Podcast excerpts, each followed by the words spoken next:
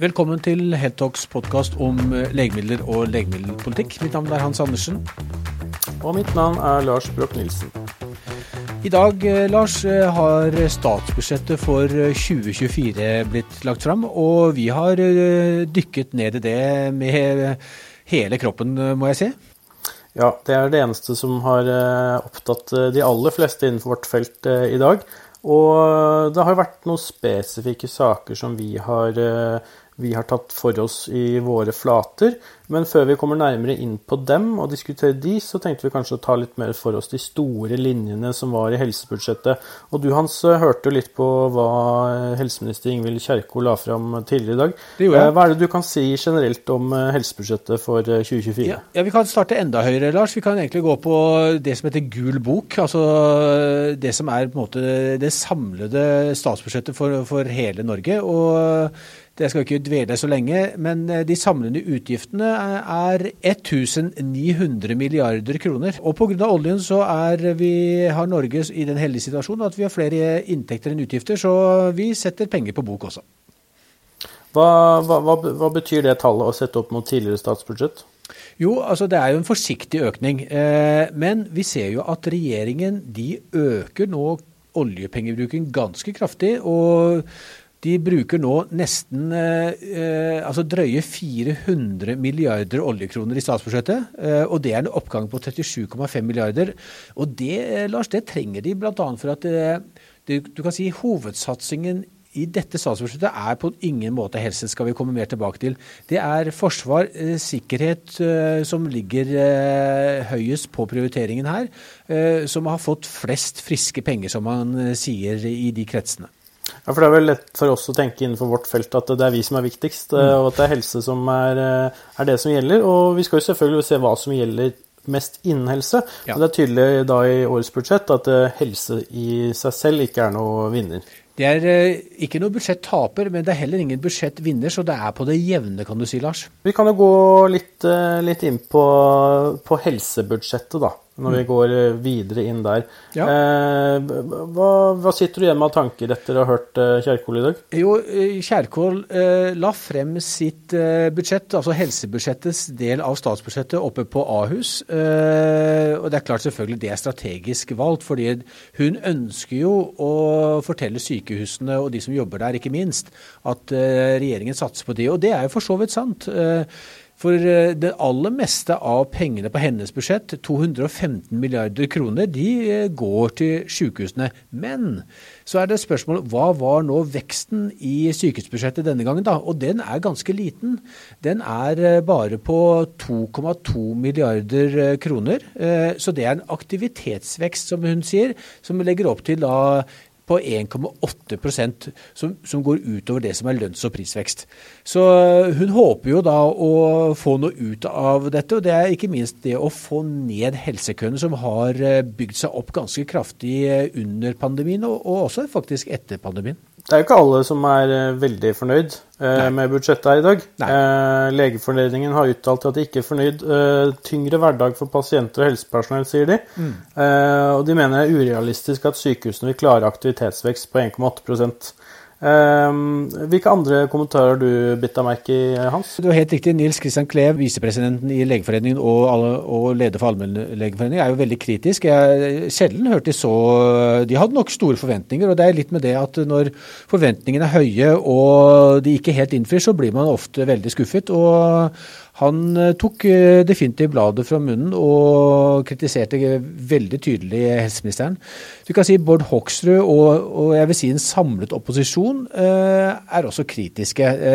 De, de, sier jo at mange pasienter vil fortsatt stå i kø i det offentlige helsevesenet etter at dette budsjettet er vedtatt i Stortinget en gang ut i desember. Da, da kan det jo være interessant å si at, det, at dette her kan knytte seg veldig tett opp mot det vi har skrevet i det siste rundt privat helse også. Ja. Eh, og, og, det er veldig interessant å se det nå i retrospekt, nå når eh, et nytt budsjett har kommet, og se om det, dette da kan gjøre at det vil få en enda større vekst framover og skape et større, større skille i Helse-Norge. Du kan si at uh, Hvis man skal sette ting litt på spissen og være litt uh, fandenivoldsk her, så er Aleris, uh, som er Norges klart største private sykehus, det er den store budsjettvinneren.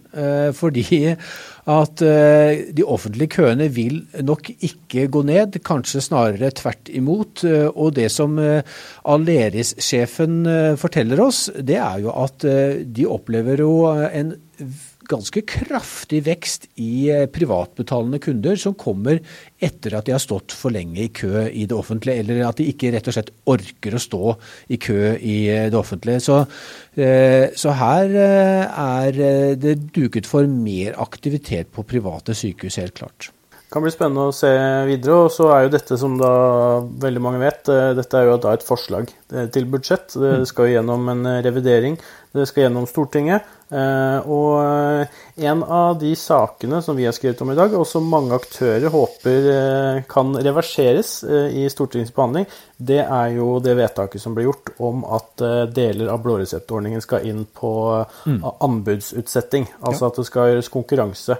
Her har det vært mye sterke reaksjoner hans. Hvorfor reagerer så mange på det her? Jo, det er jo helt klart fordi at her står det om veldig store summer, Lars. Det å Hvis regjeringen og Statens legemiddelverk tar dette fullt ut, så kan de spare i alle fall 600 millioner kroner ved å anbudsutsette blåreseptlegemidler. Eh, Interessant nok, Lars, så, så, har vi jo i, i Norge et todelt eh, legemiddelsystem. Altså Vi har sykehuslegemidler. Der har det i mange år vært eh, anbudskonkurranse, vet vi, eh, gjennom da det som heter eh, Beslutningsforumsløsningen. Men du kan si på blåreseptordning, som er den andre delen av legemiddelbudsjettene våre, så har eh, legemiddelselskapene vært spart eh, for eh, anbudskonkurranse. Men nå går dette skillet opp. Nå ønsker regjeringen også å hente ut penger, i, sparte penger, da, i, i også de blåreseptlegemidlene som, som kommer, på, kommer inn i ordningen. Men eh, tanken om å spare penger er jo god i disse dager. Og 300 til opptil 600 millioner eh, mm. innsparinger her på et budsjett, det er jo store penger. Eh, hva, hva, er det som kan være utfordrende her? Er ikke dette bare positivt? Ja, du kan si Det som eh, bl.a. Eh, legemiddelindustrien forteller oss, altså eh, bl.a. da Pfizer, som kaller denne løsningen hårreisende, det er jo at de legemidlene som kommer inn i blåreseptordningen, de har allerede gått gjennom en eh, helseøkonomisk vurdering av myndighetene. Så de er jo samfunnsøkonomisk eh, lønnsomme å ta i bruk. Så de mener at eh, det ikke er riktig at da skal de gå gjennom en enda en ny ordning som skal kutte kostnaden ytterligere. det blir dobbelt de, opp, mener de? Ja, det blir dobbelt opp. ikke sant? Og så har de et, kall det sosialpolitisk argument, og det er jo at når det blir anbudsutsettelse, så vil jo ett av legemidlene som er da i anbud eh, og konkurrerer, de vil da vinne. Eh, slik at alle Eh, I prinsippet skal alle nyforskrivninger i alle fall, det skal da eh, gjøres på dette dette vinnende legemiddelet. Og som, eh, som, vi da hører industrien sier, så er det jo slik at de som har høy utdanning og inntekt, de er mye flinkere til å overtale legene til å fortsette å forskrive de legemidlene som de allerede bruker, selv om de ikke nødvendigvis er anbudsvinner. Og skulle det vise seg at legen ikke er med på, på, på det, så har de jo penger nok til å ta dette på egen kappe, dvs. Si å få legemidlet legemiddelet skrevet ut på hvit resept. Så vel, eh, det er jo iallfall argumenter, og så får vi se hvor langt de holder i, eh, i, det som du sier, den debatten som nå skal være i Stortinget, hvor helsekomiteen skal behandle dette, denne saken og hele budsjettet.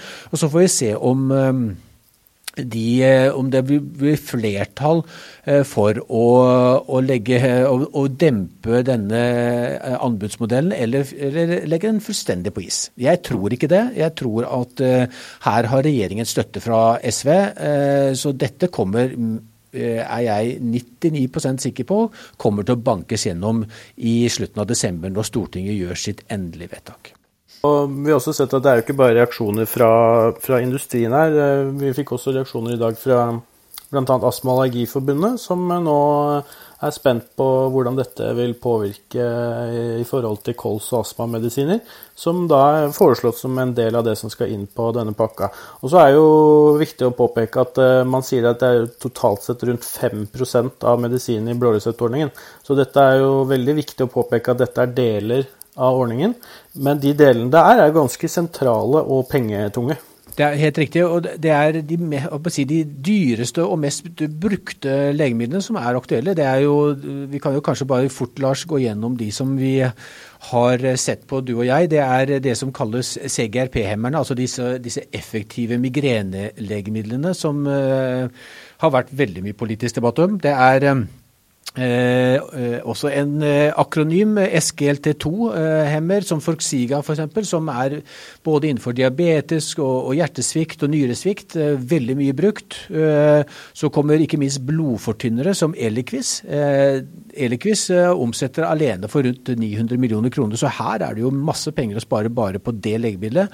Og så er det kols- og astmamedisiner også som er utsatt for, kommer til å bli utsatt for konkurranse, eller dvs. Si anbud etter hvert, tror vi. Så saken er jo ikke avgjort, men uh, man kan jo lure på om dette er noe som, uh, som uh, disse interessentene rundt både industri og andre må kanskje se at kommer til å gå gjennom i Stortinget i behandlingen. Men det kan vi selvfølgelig ikke vite ennå. Det blir spennende, og vi skal jo selvfølgelig følge den Nei, det, det, er en bølge som, som skyller, Lars, over hele verden. Vi har jo hatt en egen podkast om eh, amerikansk USA, hvor Medicare nå skal begynne å Altså det er USAs statlige helseforsikring for eldre, som, har, som, nå begynner å forhandle priser for første gang på reseptbelagte legemidler direkte med legemiddelselskapene. Kommer til å bety enormt mye. Eh, eh, I det lange løpet, iallfall. Eh, så det er en trend eh, at hele verden, alle de vestlige land, de blir tøffere og tøffere i forhandlinger med industrien. Og så kan man jo stille spørsmålet